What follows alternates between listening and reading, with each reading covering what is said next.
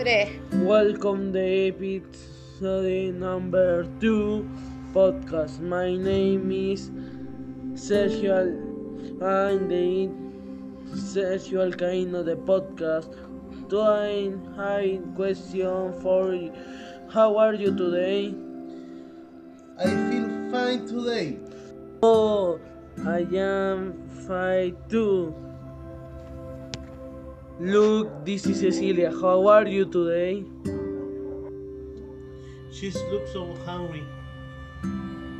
When this is is the when and yes, you phone listen.